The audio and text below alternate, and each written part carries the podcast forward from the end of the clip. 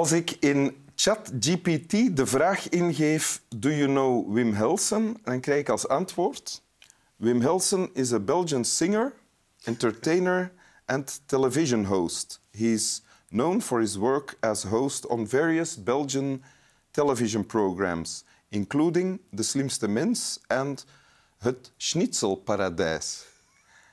Dat is echt waar. Enzovoort. U kijkt dus naar Het Schnitzelparadijs met Wim Helsen en Igor de Hond. En vandaag als gast Andy Virus. Welkom in het Schnitzelparadijs. Andy Virus, je bent dichter. Uh, en dichter uh, uh, optreder, nee, dat is geen woord. En je treed, treedt ook heel ik vaak treed op. vaak op ja, als dichter. Als dichter. kindertheater maak je ook. Ja, Je bent ook vader. ik ben vader, ja. Je Ik hebt- doe eigenlijk van alles. Een punkband. Andy and the Androids. Ja. En nog niet zo heel lang geleden was je ook aanwezig in Winteruur, want Marcel van Tilt had een gedicht van jou meegebracht uit je laatste bundel, De Trompetten van Tutankhamon. Ja, klopt. Ja. Even rusten nu. Ja, het was al een hele boterham. En lezen. Ja. Wees altijd dronken. Wees altijd dronken. Dat is alles. Het enige wat ertoe doet. Om niet de helse last te voelen van de tijd die je schouders breekt en je naar de aarde drukt, moet je je onophoudelijk bedrinken. Maar waaraan? Aan wijn, aan poëzie of aan deugdzaamheid? Net wat je wilt. Maar bedrink je.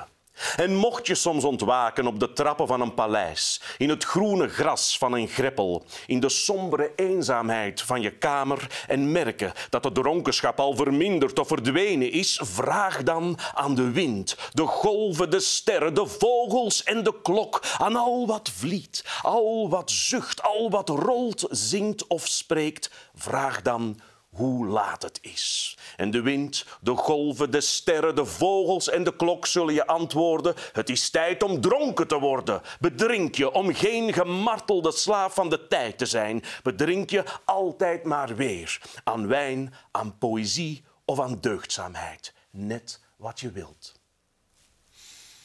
Voilà. Ja, dat was een, Deze aflevering van is nu al geslaagd. dat was een gedicht van Charles Baudelaire, Ja. Eh, eh, poëet maudit. Eh, Gestorven in 1867, dus het is al een heel oud eh, gedicht. Charles Baudelaire die heeft eigenlijk maar één dichtbundel geschreven. Dat was Les Fleurs du Mal, Ja. die nog altijd wordt herdrukt en gelezen.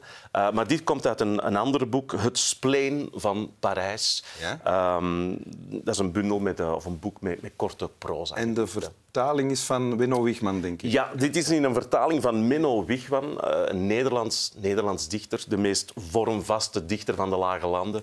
Die een paar jaar geleden, jammer genoeg, ja, ja, veel te jong gestorven is. Ja, Ja. ja. Ja, Eh, was een groot bewonderaar ook van Baudelaire en heeft veel van zijn, eh, van zijn gedichten eh, Ja. vertaald. Net zoals veel punkers fan zijn van Baudelaire. Heel veel punks zijn inderdaad fan van Baudelaire. Ja, veel punks die kunnen zich vinden in het, in het idee van wat een poëet maudit eigenlijk is. Een, verschoppeling van de maatschappij, zeg maar. Die zijn heil vindt in de poëzie dan, of in de kunst. in- Wel, in, ja, onder andere. Ja. Ja, ja. Ja. En wat gebeurt er hier in het gedicht dat je voorleest? Het proza-gedicht? Wel, ehm, ja, Baudelaire heeft het blijkbaar een beetje moeilijk eh, met de tijd die hij ervaart als eh, ja, een helse last die op de schouders drukt. Het is natuurlijk wel zo dat ja, wij, wij, de, de tijd bepaalt ons leven. Onze agenda, al wat wij doen, overal staat tijd op. We moeten van het een naar het ander, we moeten zus, we moeten zo. En die tijd duwt ons uiteindelijk ook genadeloos in de armen van de dood. Dus hij ziet de tijd hier eigenlijk als een soort van... Ja, eh, een Slavenmeester. soort almachtige tiran, inderdaad, die we, die we moeten bevechten. En hoe doen we dat? Ja, eh, Baudelaire die geeft ons goede raad. Die zegt, wees altijd dronken, bedrink je. Dat kan letterlijk zijn aan, aan alcohol, dat deed hij. Eh, maar het kan ook op een andere manier, eh, door, door creatief te zijn. Hè. Daarom zegt hij, bedrink je aan poëzie of aan deugdzaamheid. Eh, dat is dan eerder ironie, denk ik. Dat is een, een soort knipoog. Denk je? Ik denk het wel, omdat hij net volledig buiten de maatschappij stond. Een beetje een bad boy was. Ehm, denk ik dat het, dat het eigenlijk heel ironisch Dat is. hij dat niet meent eigenlijk. nee, nee.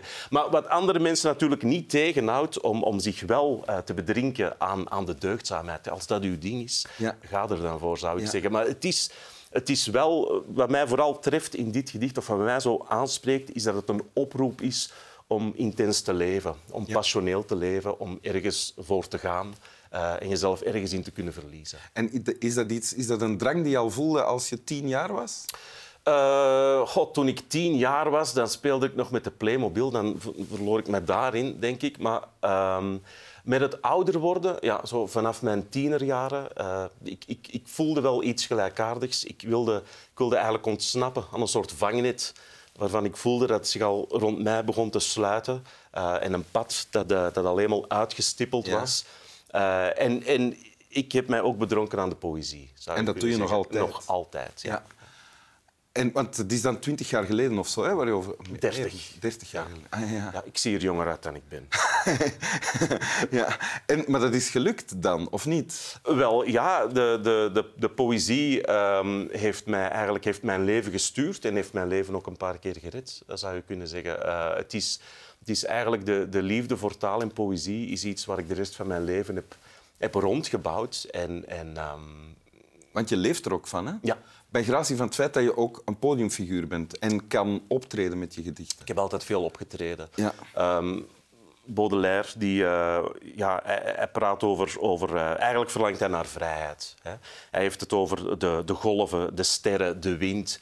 Eh, ja, die zijn ook ongebonden. Die zijn ook vrij, zou je kunnen zeggen. Hè. Die hem suggereren, wees altijd dronken. En ik wilde ook die vrijheid. Ik wilde een avontuurlijk leven, een vrij leven. Ehm, natuurlijk is de vraag, hè, in welke mate kan je, kan je echt vrij zijn? Ik kan straks wel naakt over de mer gaan lopen met twee flikkerende lampen in mijn oren, Ja. maar dat zal niet lang duren voor ze mij oppakken. Maar ik kan wel vrij zijn in de poëzie.